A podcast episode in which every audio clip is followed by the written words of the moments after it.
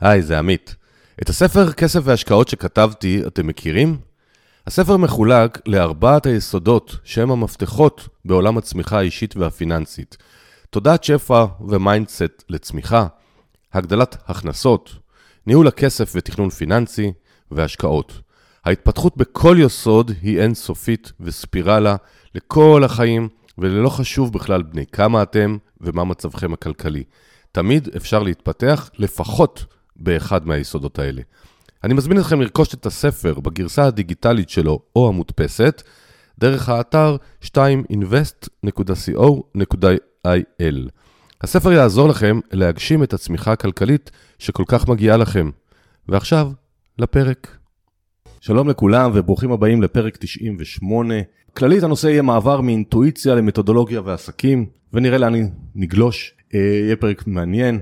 אני עמית, והיום האורח שלי הוא אריאל הלוי, שלום אריאל. אהלן. אריאל הוא שותף מייסד של חברת ויאמר, חברת ייעוץ ניהולי המלווה חברות הזנק בשלבי הצמיחה, וכותב גם את, הספר, כתב את הספר לזוז לאט יותר. ורגע לפני שנתחיל אני רוצה לספר לכם שביום שישי, השני לספטמבר, ייערך כנס כסף והשקעות בבית ציוני אמריקה. בכנס חוץ מ mingling שהוא מתבקש וכיבוד עשיר, אה, יהיו הרבה מאוד פאנלים מקצועיים והרצאות מגוונות. אריאל ייתן שם הרצאה מאוד מרתקת אותי בנושא ברמה האישית, שתיקרא המעבר מתודעת מחסור לתודעת שפע. אתם ממש מוזמנים להיכנס לאתר toinvest.co.il, קוד קופון בשם כנס ייתן לכם הנחה, ותבואו לעשות איתי צילומים. ונעבור לפרק, ושאלה מסקרנת ראשונה, אה, אריאל, למה קראתם לחברה ויאמר? קודם כל השם המקורי של החברה היה Debate במשך הרבה מאוד שנים, אה, ואז כשהתחלנו לצאת, וקראו לה חברה Debate משום שהשותף שלי גור ואני שהכרנו בבין תחומי, שנינו היינו יושבי ראש מועדון ה debate שמה. והחלטנו שנלמד אנשים עמידה מול קהל ושכנוע אז אמרנו אך טבעי שנקרא לחברה Debate אבל ב2000 רוצה להגיד 14 או 15 החלטנו שאנחנו רוצים להרחיב אה, את הפעילות של החברה לארצות הברית.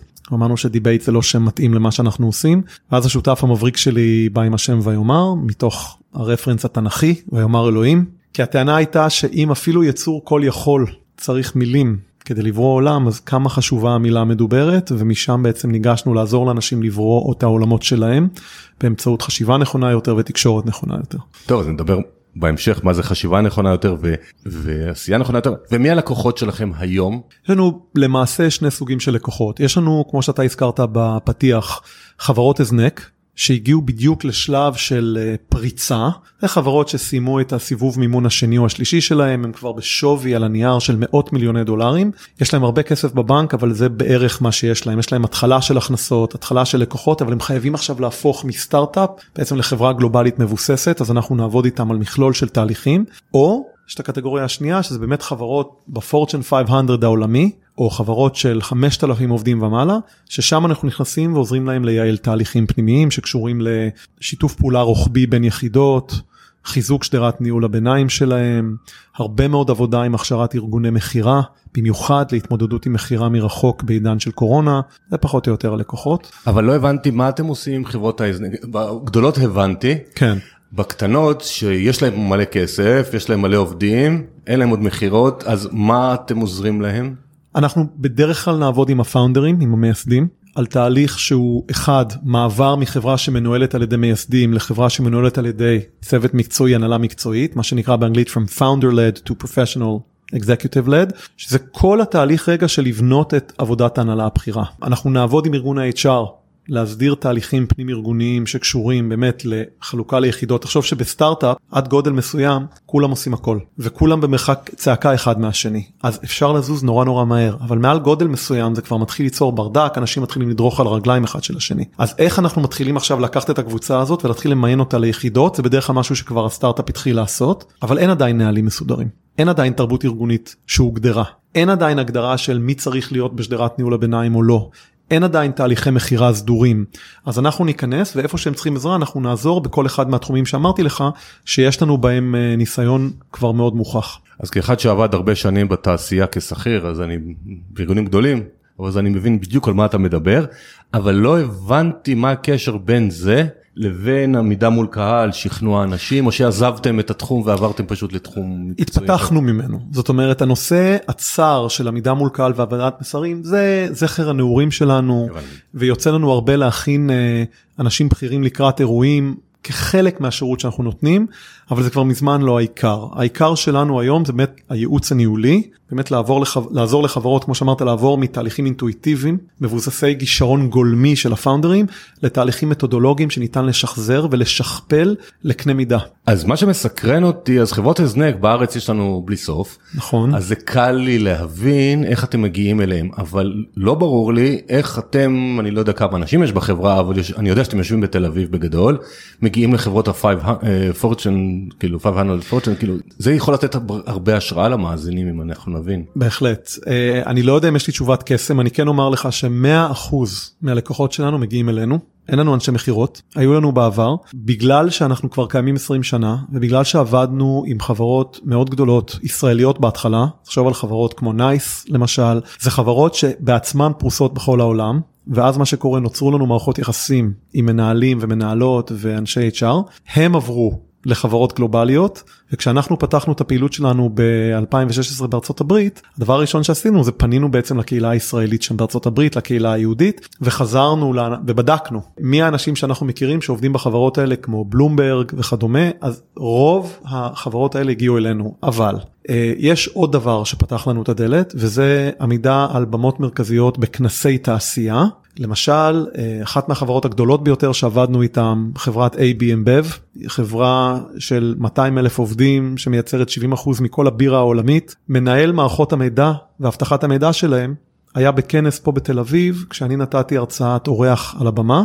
ותוך יומיים כבר הייתי מול הבוס שלו בניו יורק, וככה התחיל התהליך. אישה שהתנדבה בעמותה יהודית בניו יורק, שאני התנדבתי שם גם כשהייתי, במקרה גם הייתה אחראית על שיבוץ דוברים בכנס שהיה בהיוסטון טקסס. דיברתי בכנס הזה, ישב שם איש בכיר מאוד מחברת מכרות הנחושת הכי גדולה בעולם, וזה הוביל לתהליך של שלוש שנים איתם ב headquarters שלהם בפינקס. אז, אז במות מרכזיות זה המפתח. אז אם אנחנו רוצים לתת השראה למאזינים שלנו, שרבים מהם אה, עסקים קטנים או, או שכירים שרוצים להיות גם עסק קטן, האם אני מבין ממך נכון זה תנסו להיות על במות, אה, אולי תיתן לנו קצת טיפים גם בנושא. נושא ה networking להרבה מאוד אנשים כולל לי הרבה פעמים זה קשה לא לא אינטואיטיבי להגיע לכנס ולהכיר ולדבר אנשים אז מניסיונך גם כעמידה מול קהל וגם כשכנוע mm-hmm. וגם ההצלחה שעשית מה אתה יכול לעזור לנו אה, להבין שכמה כלים כאלה שנוכל אה, להתחבר. תראה כשאתה כשאתה עצמאי או כשאת עצמאית וזה לא משנה אם אתם מבחינתי זה לא משנה מה המקצוע אנחנו נמצאים בעצם בתהליך של המרת הידע המקצועי שלנו והזמן שעומד לרשותנו להכנסות. בהתחלה יש לנו הרבה מאוד זמן ומעט הכנסות. הזמן הזה יעבור כך או כך. אז עדיף שהוא יעבור ביצירת ערך לסביבה. אז למשל אחד הדברים הראשונים שאני עשיתי זה חיפשתי כל הזדמנות לייצר ערך. כמו שתיארתי לך עברתי לניו יורק דבר ראשון שעשיתי זה התחלתי להתנדב בקהילה היהודית ובקהילה הישראלית איפה שהיו צריכים דובר באתי איפה שהייתה ועדה שצריך היה להיות חלק ממנה כדי לארגן כנס הצעתי את הפעילות שלי לא דאגתי שזה יפגע בתמחור שלי לא דאגתי בכלום אמרתי או שהשעה הזאת תעבור ולא הכנסתי בה כסף ולא יצרתי ערך או שהיא תעבור ויצרתי ערך ובשיא היא תעבור כשיצרתי ערך ויצרתי הכנסה. זה המדרג. אז קודם כל לחפש כל הזדמנות אפשרית לייצר ערך. הדבר השני זה ברגע שהביקוש מתחיל לגדול, להתחיל להיות הרבה יותר מחודד לאיזה סוג ערך אני רוצה לייצר ולמי אני רוצה לייצר את הערך הזה ולהתחיל לחפש את ההזדמנויות. אבל זה קורה רק כשההזדמנויות כבר מתחילות להיות כאלה שיש לי חופש בחירה ביניהם. בהתחלה יש יש באנגלית משפט beggars can't be choosers לעשות. פשוט קודם כל לעשות לחפש הזדמנויות. מבחינתי זה לא משנה אם זה עם עמותות זה לא חייב להיות גם live זאת אומרת לכתוב מאמרים לפרסם אם אין לך מי שיפרסם אותך תכתוב בפייסבוק ובלינקדאין. אם אה, אם אין לך עדיין בסיס לקוחות תפני למעגל המשפחה והחברים ותגידי אני עכשיו מוכנה לקחת איקס אנשים שאני אעשה להם ליווי של כמה שעות. אחר כך תבקשי או תבקש עדויות מהאנשים האלה את זה תעלה לאתר. פשוט עקב בצד אגודל. ויש גם לומר עברנו הברית בשנת 2016 התחלנו את החברה בתחילת 2003 זאת אומרת זה לוקח זמן. אבל עקב בצד אגודל אם אנחנו טובים במה שאנחנו עושים, ההצלחה מובטחת. זה מאוד מזכיר לי את uh, עולם הכסף וההשקעות, שבעצם זה הפודקאסט שאני אומר לאנשים, לא משנה אם יש לכם הרבה, אין לכם, העיקר לעשות, מצידי 100 שקל לחודש בהתחלה, העיקר ה-mindset שיתחיל להתפתח ולהתחיל לעבוד ב- בלעשות ולא רק uh, ללמוד ולצבור ידע תיאורטי. אז אתה אומר, גם לעשות. נלך עוד פעם למקרו קצת, שקראתי חומרים שלך והתכתבנו קצת לקראת השיחה. אחד הדברים שאמרת שאתה מאמין מאוד שהאנושות היום נמצאת בעיצומו של שינוי היסטורי בהיקפו ובעוצמתו. למה אתה מתכוון? קודם כל אני מתייחס לסדרה של אירועים היסטוריים שנוטים לשייך להם אה, את הקפיצות הגדולות של המין האנושי החל מהמהפכה הלשונית לפני 70 אלף שנה היו לנו מהפכות כמו המהפכה החקלאית, המהפכה התעשייתית, מהפכת המידע, המון המון מהפכות. כל אחת מהמהפכות האלה היו דרמטיות וחסרות תקדים היסטורי, אבל אף אחת מהן לא התפשטה בקצב ובהיקף של המהפכה הדיגיטלית. כשאנחנו מסתכלים על קצב ההתקדמות, פרדיגמות, הנחות היסוד הבסיסיות ביותר שמתנפצות ב-25 שנים האחרונות, אין לזה אח ורע. תראה לי עוד פרק זמן בהיסטוריה האנושית שבתקופת דור בודד ראינו המצאות ושינויים כמו המצאת הטלפון החכם, האינטרנט, הדפסת תלת מימד, פיצוח הגנום, חקר החלל, מערכות מידע, בינה מלאכותית, Machine Learning, אין לזה אח ורע. זה הפעם הראשונה שאנחנו רואים, הדור שלנו, אולי הדור של ההורים שלנו, שהם עוברים מספר פרדיגמות בתקופת דור אחד. העניין הוא גם שכולנו עכשיו מחזיקים, מחזיקים את המסכים מול העיניים, חשופים למשהו כמו 3,000 נוטיפיקציות ביום, אז זה לא רק שהיקף התופעה הוא כלל עולמי, אלא גם האינטנסיביות והעוצמה של התופעה היא כזאת, שזה הגיע כבר לאיזושהי מסה קריטית, שאמיתות יסוד שהאנושות גדלה עליהן כבר מתחילות להתנפץ. כמו? כמו למשל מה שדיברנו עליו, מחסור ושפע. אתה יודע, כל יצור חי על כדור הארץ, שאנחנו יודעים לגביו לדעתי, מתקיים בסוג של תחרות עם הסביבה שלו על משאבים חסרים. ורק מי שיצליח לתפקד בצורה גבוהה, יצליח לשרוד ולהעביר את המטען הגנטי שלו. הדינמיקה היא דינמיקה של תחרות, היא דינמיקה של מחסור, טריטוריה, מים, מזון, מינרלים. המין האנושי, אני חושב, נכנס עכשיו לתקופה שכבר הוא לא חי במחסור. הוא מתרבה בקצב מאוד משמעותי, תוחלת החיים גוברת וגוברת, אה, מספר האנשים שיש להם נגישות לתשתיות חשמל, חיסונים, חינוך, שירותי בריאות, ופתאום אנחנו בשפע. עכשיו אני רוצה לחדד, זה לא שאין לנו היום מיליארד איש בעולם שעדיין חיים במחסור ואפילו יותר. יש סחר בנשים, יש עבדות ילדים, יש מדינות עולם שלישי, אבל כזן אין לנו מחסור. ארה"ב שורפת 50% מהתבואה שלה כל שנה. רק כדי לא לדפוק את מחירי התבואה. במציאות של שפע, כללי המשחק להצלחה הם הפוכים מכללי המשחק להצלחה במחסור, וזה השינוי שאנחנו עוברים כרגע. אז אני מנסה הרבה פעמים בעולם הכסף ולהגיד לאנשים שבעצם אם הם יתעשרו או יהיה להם יותר זה לא על חשבון מישהו כי בסך הכל אם לך יהיה יותר ולי יהיה יותר ולהוא יהיה יותר אני אצרוך יותר והוא יקנה יותר והוא ייהנה יותר. ו...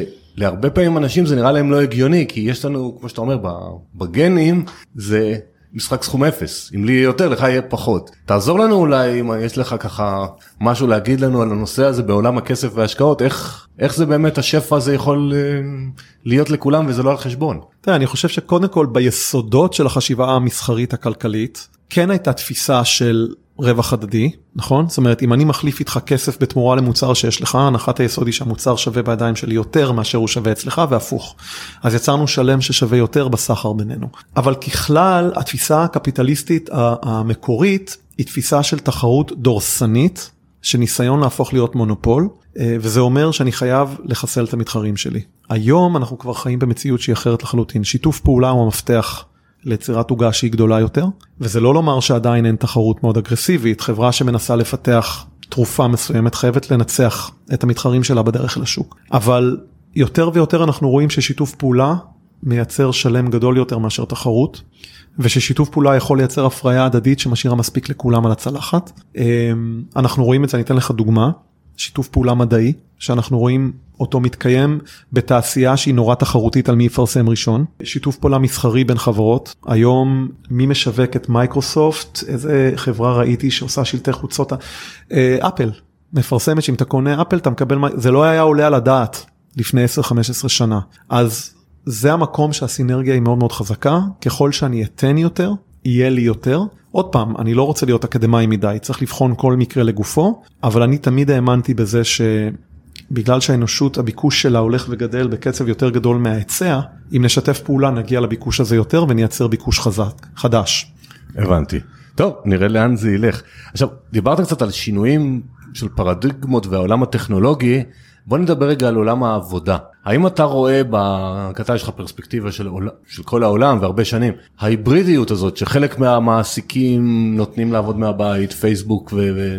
וטסלה בזמן האחרון הודיעו שלא, מי שלא יחזור למשרדים יפוטר ו... או יוענש. איך אתה מרגיש את התחום הזה, לאן לדעתך העולם הולך? יש לי הרגשה ועוד פעם הנבואה ניתנה לשוטים אבל כבר לפני כמה חודשים אה, התחברתי לאיזשהו רעיון שמישהו העלה לצערי אני לא זוכר מי זה לתת להם קרדיט שבעצם התפיסת העבודה הולכת להפוך להיות כמו כמעט כמו תפיסות פילוסופיות מתחרות ובסוף שוק העבודה יתארגן על שלוש אפשרויות ואנשים יבחרו לאן לעבוד בהתאם לתפיסה הפילוסופית שהחברה דוגלת בה ויהיה את כל השלוש.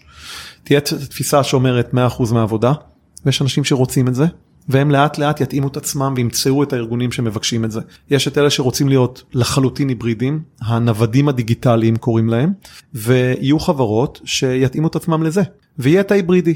הסיבה שאני חושב שההיברידי אה, והעבודה מהבית כנראה לאורך זמן תנצח, אחד, כי אני חושב שאין להשיב את הגלגל אחורה, שתיים, המגמה של נוודות דיגיטלית לצד יציאה לעצמאות גוברת, ארגונים הולכים להפחית באופן משמעותי את התקורה האנושית שהם מחזיקים כל חודש בשכר קבוע ולעבור ליותר ויותר העסקה של פרילנסרים לפי פרויקטים. זאת אומרת יהיה גרעין שממשיך לנהל את החברה. אם תחשוב על זה, זה ההרחבה של המודל הניהולי המטריציוני, שאם אנחנו מכירים אז אני לא ארחיב על זה. יהיו, יהיה את ליבת הביזנס, אנשי המכירות והניהול, כל שאר הדברים שאני צריך לקבל מהם תמיכה, או יבואו מכלים דיגיטליים חכמים שמחליפים בני אדם, או יבואו מנותני שירות פרילנסרים, והפרילנסרים לא יבואו לעבוד משרה מלאה בעבודה. אז אני חושב שבסוף אנחנו נראה יותר ויותר עבודה מרחוק, ולבסוף אני חושב שיהיה, אנחנו יכולים לצפות להמשך התפתחות של טכנולוגיות שמאפשרות עבודה מרחוק, כמו מציאות רבודה ומציאות מדומה, ואז אני אוכל לשים מסכה על הפנים וכאילו להיות במשרד וזה לא ישנה כלום. כמו למשל גם התרגומים היום שאתה החזון הזה שהרי יהיה פגישה עם סיני שידבר סינית אני אדבר עברית וכל אחד יקבל מיידית את הטקסטים שלו. אה, מאזינים יקרים מי שעוקב אחרי הפודקאסט יודע שאני מדבר המון על הקטע הזה של שכירים ועצמאים שאני חושב שהעולם הולך לשם כמו שאריאל אמר חלק מזה זה כי המעסיקים רוצים חלק כי אנחנו התרגלנו לאפשרות בחירה מתי לעבוד איך לעבוד אני. נווד דיגיטלי בעצם בשנתיים שלוש האחרונות ואני מוכיח שגם בכל גיל אפשר לעשות את זה אז אני, אני גם חושב ש, שהעולם ילך לשם. מצד שני יש את האנשים שהם צריכים אנשים הם לא יכולים להיות בבית לא משנה אם זה גודל הבית או הם צריכים לצאת החוצה. אתה אומר שיהיו מעסיקים שפשוט יהיו מעסיקים כאילו אני כעובד יהיה לי מעסיקים שאני רוצה לעבוד איתם כי הם מאפשרים ויהיו כאלה אני אלך לשכן. כן ואני גם חושב שהצורך בסביבה אנושית יתקיים או בפורמט אחר יש לי. אה... לקוחה שהפכה להיות חברה יקרה, אה, HR ית בכירה במספר תאגידים, דלית קריינר, והיא אמרה לי פעם, אתה תראה, אנחנו נעבור מחברות לחבורות. זאת אומרת, הנוודים הדיגיטליים יתקיימו בתוך קהילות של נוודים דיגיטליים, כל אחד יפתח את הלפטופ ויעבוד בחברה אחרת, אבל באמצע היום, בצהריים, בערב, הם יהיו ביחד. יש כבר איזה, יש, היה עכשיו כנס בבולגריה, היה כנס אה, נורמנט גדול מאוד של הנוודים, התחילים להקים בכל מיני מקומות בעולם קו-הוסטינג כזה לנוודים, כן? אני עוד לא יצא לי להיות, אבל זה בשנה הבאה נראה לי באחד מהם אני אהיה. אה, אני רוצה לעבור לנושא הבא שאני צריך לראות מתי אני קוטע אותך באמצע. אני רוצה שתגרה במרכאות את המאזינים אה, שיבואו לכנס כלומר אני רוצה שיבינו קצת מה זה מתודעת אה, מחסור לתודעת שפע עם קצת דוגמאות אבל תשאיר לנו גם. מעולה. דברים מסקרנים. בטח. תראה, בסוף, מה המטרה שלנו? בוא נתחיל רגע מהסוף. המטרה שלנו לקבל החלטות במהלך היום שמתורגמות להתנהגויות שמשיגות לנו את המטרות שלנו ולחיות חיים מלאים ועשירים יותר נכון? הכי בנאלי הכי בסיסי שיש. ואחד מהמפתחות בפסיכולוגיה למשל כדי לבחון את היכולת שלנו לעשות את זה בהצלחה זה איי-קיו. איי-קיו שואל מה היכולת שלי להסתדר ולשרוד בסביבה שנמצא בה? צריך איי-קיו מסוג אחר כדי להצליח בתפיסה של שפע. הסביבה עצמה היא אחרת. גם אם הייתי גאון עם איי-קיו גבוה שהסתדר בסביבה של מחסור הכרתי את כל הכללים ידעתי בדיוק מה צריך לעשות, איך להתחרות, איך להביס מתחרה, נכון? ידעתי לעשות את זה, אז הצלחתי, אז אפשר היה לומר באותן נסיבות ה-IQ שלי היה גבוה. אמ, בתודעת שפע זה ממש עליזה בארץ הפלאות. אתן לך דוגמה. בתודעת מחסור, אתה רוצה להראות שאתה חזק. בתודעת שפע, דווקא לפעמים להראות שאתה חלש זה מה שבונה לך את העוצמה. מדברת על זה המון החוקרת האמריקאית ברני בראון, על, אה, היא קוראת לזה חשיפות, vulnerability, נכון? מאוד מאוד חשוב. בתודעת מחסור, אתה רוצה לשמור את כל הרישיונות, את כל הזיכיונות, את כל הפטנטים, זה שלך, שלא יהיה לאף אחד אחר. בתודעת שפע אתה מפרסם אותם. נגיד אילן מאסק, שמאוד מתקיים בתפיסה של תודעת שפע, לפחות ברמה, בפרסונה הפומבית שלו, לפני כמה שנים הלך וחשף את כל הפטנטים שלו. למה? כי הדבר הזה מייצר פלטפורמה שמאפשרת להמון המון אנשים לבנות עליה דברים שהתועלת של כולם היא גדולה יותר. נטפליקס עשה את אותו דבר. היא חשפה 100 מיליון data points על מנוע ההתאמה שלה לסרטים ועשתה תחרות. מי יכול להביא לי שיפור של איקס אחוזים בניבוי של מה אתה תרצה לראות. פרס ראשון מיליון דולר, תוך שבועיים ילד אם אני לא טועה ברוסיה זכה, 44 אלף משתתפים. כמה, זה, כמה כסף היא חסכה, ש-44 אלף מפתחים במשך שבועיים עבדו בשבילה ב-open source.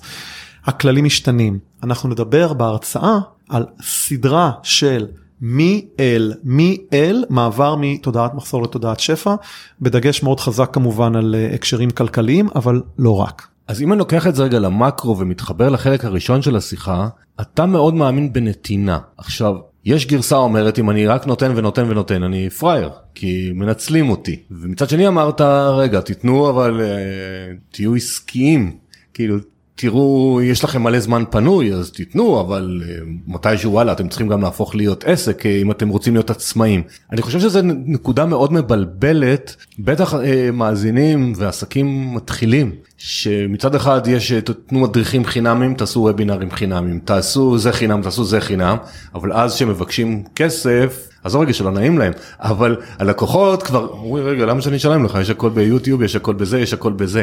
אתה יכול לעשות לי סדר קצת בין הנתינה האינסופית ומתי אתה שם לעצמך גבולות הלו הלו הלו תשמור משהו. אני חושב שהצורה שבה צריך לגשת לנתינה קשורה לשלבי ההתפתחות שאני נמצא בהם. דיברנו מקודם אני על... זה העולם או אני זה האדם הפרטי? אני זה אני, אריאל, אני האדם הפרטי. אדם, כל אחד, כל אחד מאיתנו שרוצה רגע לקדם את האינטרסים שלנו. אה, בוא נגיד שאני בשלב אפס. הנתינה היא לגמרי ווין ווין כי אם אני לא אתן איך ידעו שאני קיים אם אני לא אתן איך ידעו מה יש לי להציע אם אני אתן ואנשים ייחשפו לערך שלי אז הם יוכלו לתת לי עדויות והנה הגלגל מתחיל להזין את עצמו והרי יש שם שוק אינסופי שיכול לפגוש אותי אז אני הרי לא אתקיים על בסיס החמש חמישה לקוחות הראשונים שלי. אם אני יכול לא לתת בחינם ולקבל כסף ברור שאני אעשה את זה ואז אני עובר לשלב השני. בשלב השני אני שואל את עצמי כמה זה מספיק גם על זה נדבר בהרצאה. אני uh, הגיתי מושג לפני כמה שנים שאני קורא לו כלכלת מספיק, The Economy of Enough. ניתן לך דוגמה. לקוח שלי מתקשר ואומר אנחנו רוצים סדרת סדנאות לאנשי מכירות. אני אומר לו מעולה. הוא אומר כמה עולה אם אני רוצה להביא 40 איש ולא 35 איש לסדנה? אני אומר לו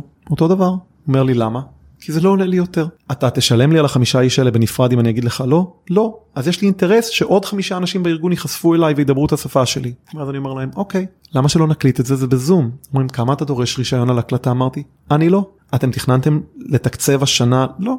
עכשיו זה יושב במערכת שלהם. מה שקרה בעקבות הדבר הזה, שהם כל כך התלהבו מהתפיסה הלא גרידי הזאת אם תרצה, שהמנהלת רכש אומרת לי, אני חייבת להכיר לך עוד שני מנהלים בארגון. והנה יש פה איזשהו דבר של כאילו יד רוחצת יד. עכשיו אני מסתכל על הנתינה באופן כללי פחות או יותר כמו שקרן הון מסתכלת על הזדמנויות השקעה. אני מפזר. אני לא מצפה שכולם יחזירו לי. אני לא עושה את זה ביחס של אחד לאחד, אה אני עזרתי לך, אני מנהל פנקס חשבונאי, לא. אני יודע שסטטיסטית, אם אני אפרוס מניפה של נתינה, אחוז מסוים מתוך המניפה הזאת יחזור אליי, חלק יחזור מיד, חלק יחזור בעוד שנה. באופן עקרוני, וזה גם כבר יש על זה נתונים מאוד יפים בסוציולוגיה, המין האנושי הוא מין הגון, יש פה עיקרון שקוראים לו עיקרון ההדדיות. אם אני נותן, הרבה פעמים אנשים רוצים, מרגישים ממש צורך להחזיר, אה, ולפעמים אני אומר להם אל תחזירו לי, תחזירו לי מישהו אחר וה, והגלגל ינוע. אז יש כל מיני תפיסות של הנתינה, ברור שאני בסוף מחייב את הלקוחות שלי, אבל השאלה על מה? עוד דוגמה אחרונה, מישהו אומר לי וואי אתה יכול לחבר אותי לחברה הזאת? לפעמים אני ממליץ ללקוחות שלי על מתחרים שלי, ואז המתחרים אומרים לי או מישהו אחר אומר לי אני אשמח לתת לך עמלה ואומר לו לא זה לא הקור ביזנס שלי, אני מעדיף להיות נקי, אני עזרתי ללקוח בזה שעשיתי חיבור, יצרתי לו ערך, יופי. עזרתי לך, מצוין. מחר אתה תפגוש מישהו שאני רלוונטי, והגלגל מתגלגל. אבל זה חייב להתחיל ממקום רגשי ותודעתי שאומר אני לא מפחד שאם אני אתן למישהו אני אאבד, כי אני כל כך מאמין ביכולות שלי, שיש מספיק לכולם. זה התפיסה. אז כאחד שיש, לשנינו יש ספרים באמזון, ואחד הדברים באמזון, הם מאפשרים לתת uh, כל רבעון חמישה ימי חינם את הספר. עכשיו אנחנו אומרים ללקוחות, uh, לא צריך כל רבעון, אבל בהתחלה תיתנו. אומרים כמה יורידו את הספר בחינם, אנחנו אומרים 500 או 1,000, או אם נעשה קידום ממש מלהיב, יהיו 2,000. אומרים למה שאני אתן ל-2,000 איש בחינם? וההבנה הזאת שאלפיים איש יספרו על זה והמנועים של אמזון פתאום יתחילו להבין וואלה יש פה ספר מעניין אלפיים איש יורידו אותו אז רגע אנחנו אנחנו נקדם אותו בנושא שלנו אז זה באמת תפיסה פחות מוכרת לנו בשוטף ביום יום שלנו. והיא גם חלק מהשינוי שדיברנו עליו מקודם תראה פעם אם נתת שירות כלשהו בדרך כלל היית מוגבל לאיזשהו מתחם גיאוגרפי שחיית בתוכו. נכון? ואם רצית לצאת מעבר למתחם הזה, היית צריך להתעסק בייצוא ולהקים משרדים או שיתופי פעולה. היום אני יכול, אתה יכול לפרסם ספר שתאורטית שני מיליארד איש יכולים לגשת אליו. נכון. אז השוק נהיה כל כך גדול שמה אני פוחד מלאבד פרומיל של פרומיל מהשוק הזה? זה לא זה חשיבה צרה מאוד. כן נכון אבל הרבה פעמים חונכנו וחלק מהמטרה שלי בפודקאסט ובייחוד הפרק איתך זה לתת mindset אחר זה לא כלים מיוחדים. כי דרך אגב היום קיבלתי פעם ראשונה על הספר החדש שלי כסף והשקעות שמתי אותו גם באתר עברית בישראל וקיבלתי פעם ראשונה דוח על מכירות הם אמרו כל ראשון לחודש מקבלים דוח. mm-hmm. והייתי נורא סקרן לדעת רגע מישהו בכלל קנה? כי שמתי אותו באמצע יולי. וראיתי 13 מכירות אמרתי וואו איזה מגניב. ואז כשאני מפרט אני רואה בתמלוגים סכומים שונים. אמרתי למה יש סכומים שונים? ואז הסתבר שאפשרתי גם לספריות להשאיל ושלוש ספריות הייתה השאלה ואז תמלוגים שם יותר נמוכים. אבל כמו שאתה אומר איזה סיכוי שהייתי מגיע לספרייה הייתה ספריית באר שבע ואני לא זוכר עוד שתי ספריות. הרי בחיים לא הייתי מגיע לשם. ובאמת הטכנולוגיה היא לפעמים מעצבנת אבל יכולה ממש לעזור אם, אם זורמים איתה. בהחלט. אני חושב שבין המאזינים יש הרבה שהם נותנים שירותים, אני גם איש של שירותים, אני רוצה קצת לעבור איתך לעולמות שלמים שאתה מלמד ועוסק בהם של חברות שירותים. יש משהו שאתה מגדיר אותו שיש הבדל בין עסק לינארי לבין מודל עסקי שהוא אקספוננציאלי. אתה יכול להסביר? בטח. אגב, זה לא מושגים שאני המצאתי, הרעיון של עסק לינארי הוא עסק שבו כדי לייצר עוד הכנסה, אני צריך גם לייצר עוד הוצאה. זה הרעיון. אני למשל עוסק בייעוץ, אם אני צריך למכור עוד שעות ייעוץ, אני צריך להגדיל את בנק שעות הייעוץ שיש לי, מעבר לשעות שאני לבד יכול לספק, זה להביא עוד בן אדם, נכון? אז יש לי ממש עלות, אם אני סופר ואני רוצה למכור עוד קוטג', אני צריך לקנות עוד קוטג'. בעסק לינארי, השאיפה שלי היא לשפר את הזווית כמה שיותר, אני עדיין לינארי אבל אני רוצה שהזווית שלי של הרווח תגדל. זאת אומרת כל זמן לשפר את היחס בין ההכנסה להוצאה, בין העלות, עלות המכר להכנסה. עסק אקספוננציאלי זה עסק שבו אין יחס של אחד לאחד בין ההוצאה להכנסה. למשל הדוגמה הכי טובה, אתה מפיק שיר, מדונה מפיקה שיר, יכולה להשקיע עשרות אם לא מאות אלפי דולרים בהפקת השיר, אבל ברגע שהוא משוחרר לכל תחנות הרדיו בעולם, אין בעצם כל פעם שמישהו שומע את השיר והיא מקבלת תמלוג, זה לא שהיא הייתה צריכה להוציא על זה כסף. זה לא עלה לה. מכאן נכנס המושג של הכנסות פסיביות כמובן שאחד מה...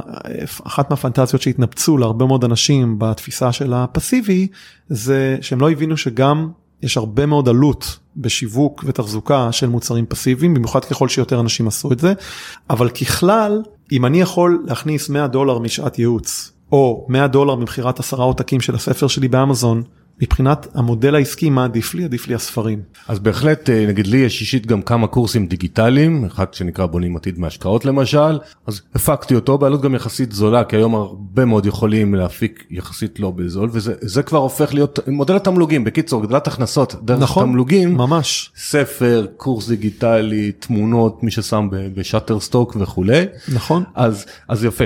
אז מאזינים יקרים עוד פעם מי שעוקב אחריי ומכיר שאני כל הזמן מפמפם תגדילו הכנסות ופחות תתמקדו בצמצום הוצאות אז עכשיו יש לנו שם יפה לקרוא לזה מודל עסקי אקספוננציאלי זה בכלל יישמע נורא חכם. ואני בוא, בוא אולי ניתן לזה מילה רק על איך עוברים מהראשון לשני בסדר? מעולה.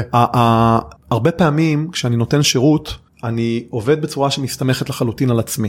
אם אני רוצה לגדול, אני עובר איזשהו משהו שאנחנו קוראים לו פרוזדור הצמיחה, זה שלב שבו אני משקיע בהוצאות ובתקורות ובתשתיות כמעט ללא גידול בהכנסות, אני מביא עוד שני יועצים. עכשיו, לא משנה מי הבאתי, הבאתי עוד שני אינסטלטורים, הבאתי עוד שני רואי חשבון, הבאתי עוד שני רופאי שיניים, זה לא משנה איך הגדלתי את הארגון שלי, הדרך היחידה להביא אותם בהצלחה הייתה לשכפל את הידע שלי בצורה שהם יכולים גם למסחר אותו בשבילי, תוך שמירה על בקרת איכות מסוימת, נכון? יופי. ברגע שעשיתי את הדבר הזה, מה עשיתי? עברתי מאינטואיציה למתודולוגיה, מידלתי את הכישרון האישי שלי לכדי תבנית שניתן לשכפל. מכאן לקחת את התבנית הזאת ולהפוך אותה למוצר דיגיטלי ולשווק אותו, זה כבר, אני יותר קרוב לשם. ולכן לא תמיד הייתי ממליץ לקפוץ מיד מהיותי one person show לדיגיטלי, אלא אם כן אני יכול לכתוב ספר או כל דבר אחר, יש איזושהי תחנת ביניים שכן שם אני ממשיך להשקיע בעסק הלינארי שלי, אבל תודעתית אני כל הזמן עם העיניים מכוון לאם אני, האם אני יכול לייצר הכנסות פסיביות. אני מאוד מסכים איתך, אבל פשוט אני אומר במודל של הרבה מאזינים שאני לפחות מדברים איתי או כותבים לי, אה, גם וגם, גם שכיר, גם עצמאי. ועצמאי קטן זה יכול להיות מפרילנסר בפייבר, אפוורק וכולי ועד אה, תלוי בכישרון כמובן mm-hmm. כל אחד עם הכישרון שלו אז יש את הרצון להגדיל הכנסות וכמו שאתה נתת דוגמה מקודם האם אני עושה ייעוץ אחד על אחד או אני לוקח שלושה תלמידים ועושה להם שיעור פרטי כל אחד משלם קצת פחות ואני מוכר שעה במקום ב-100 שקל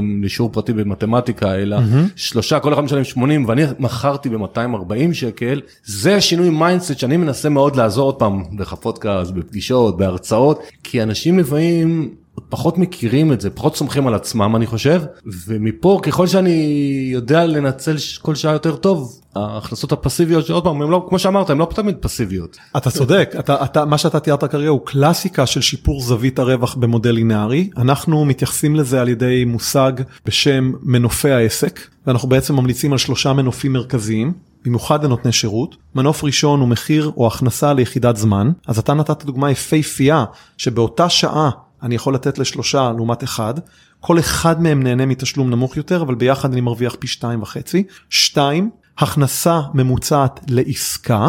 זאת אומרת, האם אני רוצה עשרה לקוחות שכל אחד קנה שעה, או לקוח אחד שקנה עשר? כי ככל שהכנסה ממוצעת לשעה גוברת, עלות המכר יורדת. ושלוש, הכנסה שנתית ממוצעת ללקוח. זאת אומרת, כמה לקוחות חדשים אני צריך להשקיע מאמצי שיווק כדי להביא את אותה הכנסה. כל נותן שירות באשר הוא שיחשוב במונחים האלה ודרך זה יתחיל או תתחיל לחשוב אוקיי אז מי פרופיל הלקוח שלי אני חשבתי על איש עסקים לא שלושה ילדים בשעה להתחיל להבין מה הפרופיל של השוק שאני הולך אחריו ולכוון את המאמצים שלי לשם. זה הרעיון. אז עוד דבר שאני אשמח שתסביר וזה מתקשר לפה אתה יש לך מושג שאני לא יודע בדיוק למה אתה מתכוון, שאתה מציע לתמחר שירותים כפונקציה של איכות החיים הרצויה. Hmm. זה הגדרה שלך. נכון. נמק, הוכח ושכנע אותנו. אה, נראה לי זה קצת פחות סקסי ממה שזה נשמע. תראה, אני בזמנו, אנחנו מידלנו את החברה שלנו, אנחנו הסתכלנו לפני כמה שנים ואמרנו, אוקיי, אז אנחנו כבר, אז זה היה כבר 17 שנה, עברנו כמה משברים כלכליים עולמיים, פרצנו לחו"ל, אמרנו, אוקיי, איך עשינו את זה? אחד מהדברים שעשינו זה בנינו אקסל, שבו זרקנו לתוכו את כל ההוצאות שלנו. כמה אנחנו מוצאים על רואי חשבון כל הדברים האלה והכנסנו שם סעיף שאומר כמה אני רוצה שתהיה הכנסה החודשית שלי. אחר כך הכנסנו עוד סעיף באקסל שאומר כמה שעות בחודש אני רוצה לעבוד. שלושה ימים בשבוע, חמישה ימים בשבוע. מה שהאקסל עשה הוא לקח את כל ההוצאות, סכם אותם עם ההכנסה שאני רוצה, חילק במספר השעות שיש לי ולפי זה קבע מה המחיר לשעה. עכשיו הדבר הזה לא אומר שכל מחיר שאני אכניס שם אני רוצה לעבוד יום בשבוע אז הוא יגיד לי טוב אתה צריך לדרוש 5,000 שקל לשעה. א', אחלה, אולי יש לקוחות שמוכנים לשלם את זה, בוא ננסה להבין מי הם, אז אני סוגר מעגל על מה שאמרתי מקודם על פרופיל הלקוח. שתיים, אולי הדרך להגיע לשם היא דרך מוצרים פסיביים, אז עכשיו אני יודע מה להשקיע. שלוש, לא, זה לא אפשרי. ואולי אם אני אבין שזה לא אפשרי, או שאני אתפשר ואגיד, טוב, אני מוכן לעבוד יומיים בשבוע, או שאני אחפש אה, עבודה אחרת לעשות. זאת אומרת, בסוף המטרה פה היא שקבלת ההחלטות תהיה מאוד מאוד רציונלית ומאוד מתואמת עם הרצונות שלי, אבל גם שהרצונות שלי יהיו מתואמים עם המציאות. אז זה ממש מזכיר לי יש לי איזשהו קובץ אה, כזה שאני מראה לפעמים ללקוחות באים אליי נגיד שיש להם לצורך העניין הון עצמי של 500 אלף שקל לצורך הדיון ואומרים לי אנחנו רוצים בעוד 7 שנים אה, לצאת לחופש כלכלי לא משנה ואנחנו מסכמים ביחד למשל שצריך סתם אני זורק מספר 10 מיליון שקל. שדה, ואז הם יגיעו למטרות שלהם. ואז אני אומר להם בואו נראה איזה תשואה ממוצעת על ההשקעות אתם צריכים לעשות בשבע שנים להגיע מחצי מיליון שקל לעשרה מיליון. ויוצא נגיד 18-19 אחוז. ואז אני אומר להם גם תזכרו שזה נטו זה לא ברוטו. Mm-hmm. אז ניקח 25 אחוז אתם צריכים 25 אחוז לשנה סתם במספר. זה אפשרי? לא אפשרי. אני פחות מאמין שזה אפשרי כדי עוד פעם לחבר את החלום את התשוקה למציאות. ואני אומר עכשיו בוא נראה מה אנחנו עושים אולי, אולי לא צריך 10 מיליון אולי צריך 7, 7, 7 מיליון אולי לא צריך בשבע שנים אולי 12 שנה זאת אומרת. כמו שאתה אומר לחייל את האפשרויות לאיזשהו רציונל שאפתני אבל ריאלי. זה נהדר זה ממש ממש נהדר כי גם יכול להיות שאם אתה תשאל אותם טוב הגעתם לעשרה מיליון תתארו לי רגע חודש בחייכם שנה בחייכם. הם יגידו חלק מהסיבה שהגעתי לעשרה מיליון זה כי אני רוצה לקנות וילה בארבעה מיליון שקל וכשתנסה להבין למה אולי לא צריך אולי ב-Airbnb אפשר חודש בשנה יש כל כך הרבה דרכים להגיע לשם אבל קודם כל צריך להוריד את כל הנתונים לאיזשהו קנבס להסתכל עליו ואז לראות איפה אני מול המציאות. אני חושב שרוב האנשים לא יוכלו להגיד לי מה הם יעשו כי זה נראה להם כל כך רחוק ואוטופי hmm. והם רואים את התמונות והדמיון הזה שכל היום נטייל אז הוא נורא מושך אבל כמובן שהמציאות היא שונה אבל בהחלט אני, אני נורא אוהב שבסוף מתחברים לא רק לסיסמאות אלא בוא נראה מספרים נראה מה זה אומר. מתאים לא מתאים אפשרי לא אפשרי ואני רוצה רגע לחזור למנופים שהזכרת מקודם לך גם אתה טוען שיש מדדים כאלה שהם מוסיפי כוח ומדדים שהם מכפילי כוח. כן. מה, מה זה? איך אנחנו יכולים להשתמש בזה אנחנו העסקים הקטנים? תראה, בכל מה שקשור לקבלת החלטות, שבעצם מהי קבלת החלטות? היא בחירה, היא בחירה בין חלופות, נכון? אני אוהב לקטלג כל חלופה או דרך פעולה אפשרית לאחת משלושה סוגים. אם היא מכפילה כוח, היא תייצר לי איפשהו בין כפול 3 לבחזקת 3, זה לא משנה אם זה 3 או 4 או 5, זה אותו רעיון, נכון? כפול או בחזקת. אם היא טקטית, הראשונה היא אסטרטגית, מכפילת כוח. אם היא טקטית, היא תהיה פלוס שלוש, ואם היא הסחת דעת, היא תהיה מינוס שלוש. לפעמים לקוח בא ואומר אני רוצה את זה. בוא נסתכל סתם, חנו, אני אוהב לתת דוגמה של חנות נעליים, נכנס לך מישהו לחנות, אומרים לך בוודאות שהוא יקנה שתי זוגות נעליים, נהדר, יש לי פה רווחיות מובטחת, יושב איתך חמש שעות, מודד 20-50 זוגות נעליים, ארבעה לקוחות נכנסו, התייאשו ויצאו, הרווחת או הפסדת מהעסקה הזאת? אוקיי, בוא ניקח מצב אחר, נכנס בן אדם לחנות, קנה שתי זוגות נעליים, יצא, טקטי, נכון? הרווחתי את הרווח של השניים האלה.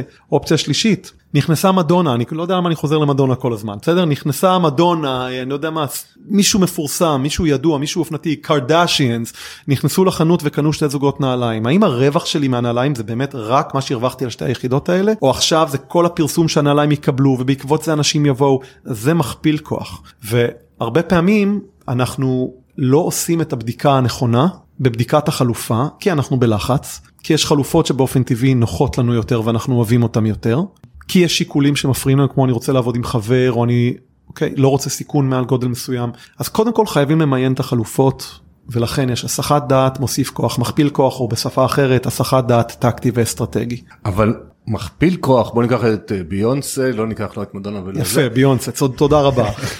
אנחנו לא שולטים בזה או שאתה אומר שאני גם יכול לשלוט בזה זאת אומרת אני יכול לעשות את כל המאמצים שלי היפים בעולם ואולי אצליח אולי לא כי בסוף אולי הבן דוד של השכן שלה אמר לה אבל אז, אז אני אומר השאלה מה בשליטתנו הרבה יותר ממה שאנחנו חושבים. אז תעזור לי להבין. כי אם הבנתי שאני מכוון לאנשים כמו ביונסה, אז למשל, הצורה שבה אני אכתוב את המאמר שאמרנו מקודם, נכון? או הדוגמאות שאני אתן בספר, או הכנסים שאני אלך להתנדב בהם, או הפעילות ההתנדבויות האחרות שאני אעשה, הכל כל הזמן מכוון לכיוון מסוים. יכול להיות שאני לא אתפוס את ביונסה, אבל ייכנס לי מישהו אחר שהוא מפורסם כזה או אחר, נכון? הרעיון, ההבדל בין למשל טקטי לאסטרטגי, הוא שאסטרטגי זה פרופיל של הזדמנות שאני מגדיר אותה מראש, כמו למשל על בסיס המנופים שאמרתי לך מקודם, אבל יש גם עוד כמה מאפיינים להזדמנות אסטרטגית, ואז כשאני קם בבוקר, אני מראש חותר למגע עם הזדמנויות כאלה. אני שואל את עצמי, איזה פעולות אני אעשה שמקדמות אותי לשם? אני לא יודע שזה יקרה, אבל אני חותר לשם. כשהזדמנות היא טקטית, אני לא חותר אליה, אבל אם היא מגיעה לפתחי, אני נענה לה. וכשהזדמנות היא הסחת דעת, גם אם מביאים לי אותה על מגש של כסף, אני אומר, תודה לא. יכול להיות שאני אפילו אתן לבן אדם הזה את הנעליים חינם, רק צא מפה, ועכשיו אני אפנה את עצמי לחמישה אחרים, והוא בכלל ישמח שהוא קיבל חינם, יספר לחברים ו-20 אנשים יבואו. אבל אני כל הזמן רוצה להיות במצב שאני מתכנן את הפעולות שלי מראש, אל מול מטרות שהגדרתי לעצמי. וזה המטרות האסטרטגיות. אז לגבי אותו חמש שעות שני זוגות נעליים אני אומר לפעמים הרבה פעמים ללקוחות מתי הם בעלי עסק מבחינתי ברגע שהם פיטרו לקוח ברגע שהם שחררו נתנו לו איזה דפקו לו איזה מחיר שהוא לא ירצה או שהם אמרו לו לא רוצים לעבוד איתך זאת צמיחת mindset מטורפת אה, האומץ הזה. זה בדיוק קשור לפרדיגמת המחסור שדיברנו עליו מקודם כשאתה בפרדיגמת מחסור ואתה לא יודע מאיפה תבוא הארוחה הבאה שלך אתה בחיים לא, תש... לא תפטר לקוח ומתי זה קורה דרך אגב כשאני בתחילת הדרך שלי ואין לי הכנסה. אני לא בטוח שבתחילת הדרך אני צריך לפטר כל כך הרבה לקוחות אבל אני רוצה למשל להגביל את כמות הלקוחות שאני מסכים לקבל שאחרת הייתי מפטר. אני רוצה לחלק את הזמן של אני למשל את כל המכסת זמן שלי אמרנו מקודם שעסק שירותים הוא בעצם מלאי של זמן שבאמצעותו אני מוכר ידע בעבור כסף. אני אוהב לחלק את הזמן שלי ל-60-30-10. 60% מהזמן אני מנסה למכור במטרה להגיע להכנסה שאני מגדיר אותה הכנסה הישרדותית. באנגלית Keep the lights on. מה הולך להיות תזרים המזומנים שלי כל השנה? אוקיי, 60% מהזמן שלי אמור לכסות את המינימום שלי, שלא יכבו לי את האורות. 30% זה זמן שאני מוכר בתמחורים שאמורים לתת לי רווח. אוקיי? אז אם ה-keep the lights on שלי הוא 7 ואני רוצה להגיע ל-10, 3 זה הרווח, 30% מהזמן שלי הולך על השלוש האלה. עמדתי ביעדי הרווח ונותרו לי 10% מהזמן. אני קורא לזה יעדי צמיחה, stretch. 10% מהזמן לחלוטין נפטר לקוחות. יבוא אליי לקוח, ניתן לו מחיר של פי 3. אם הוא יגיד לי כן, זה כנראה יהיה לקוח שהחיבור בין הערך שאני נותן לו לבין הרווח שהוא יפיק הוא גדול לא רק בגללי, אלא בגלל מגרש המשחקים של הלקוח ואלה הלקוחות שאני רוצה אלה שלא מפיקים רווח מספיק גדול כדי להצדיק גם לא אני אומר להם אז אני לא הספק הנכון לכם אבל אני אשמח לחבר אתכם לספקים אחרים בשוק וואו איזה כאילו goodwill ואיזה שיתוף פעולה ואיזה ביטחון זה הרעיון.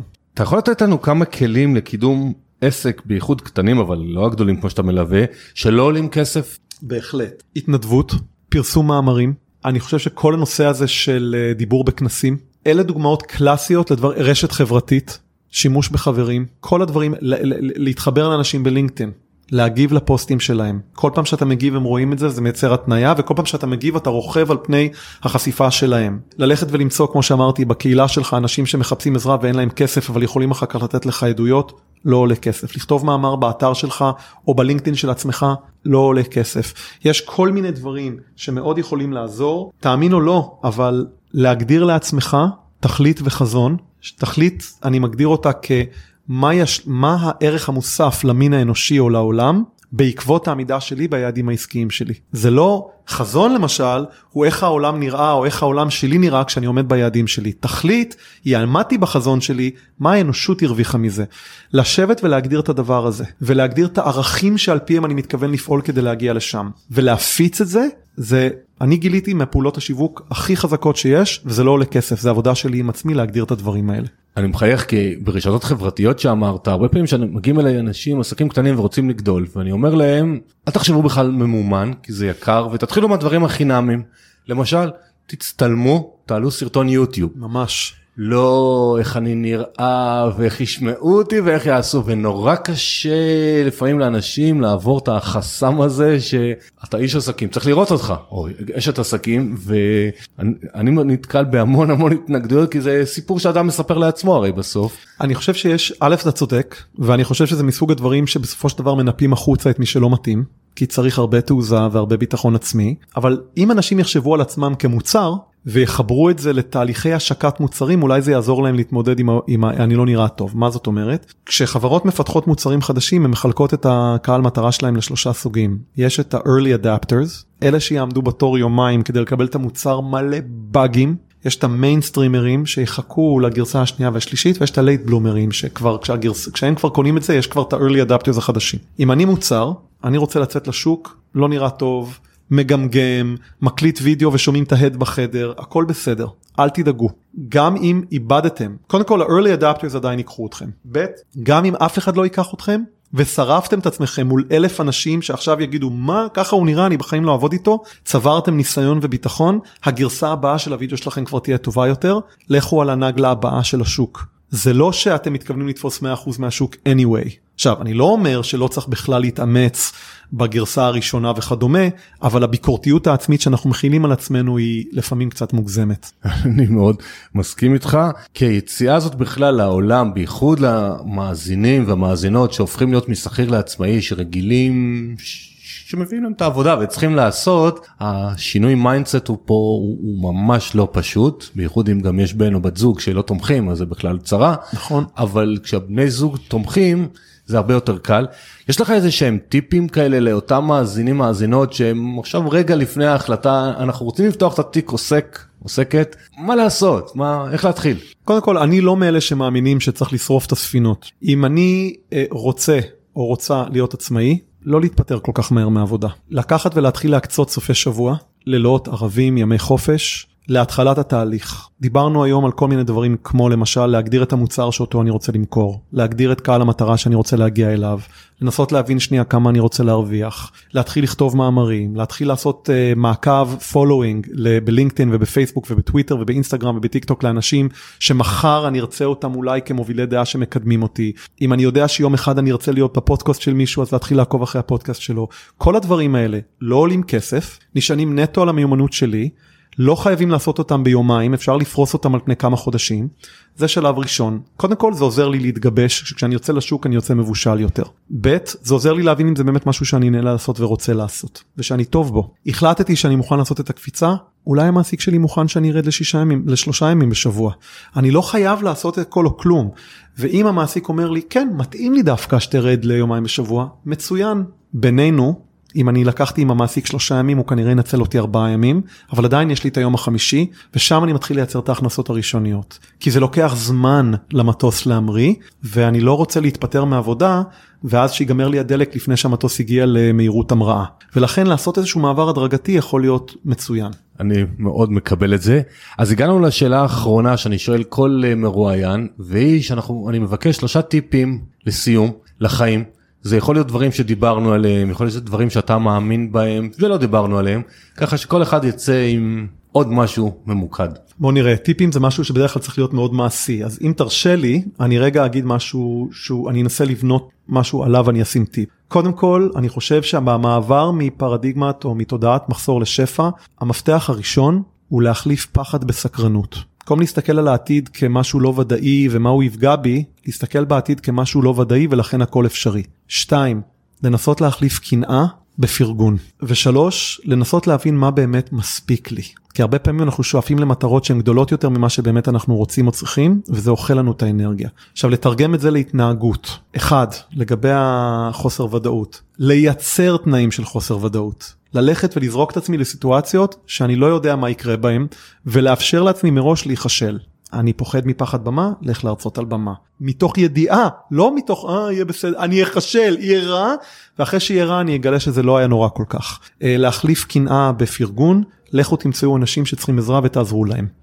אחת מהדרכים הכי טובות לפתח משמעות בחיים היא לעזור למישהו שקשה לו יותר. ללכת ולחפש למי אפשר לעזור. ולשאול מה מספיק לי זה לעשות תרגיל מאוד פשוט. קיבלתם צ'ק של 100 מיליארד דולר, תתחילו לבזבז אותו על הנייר.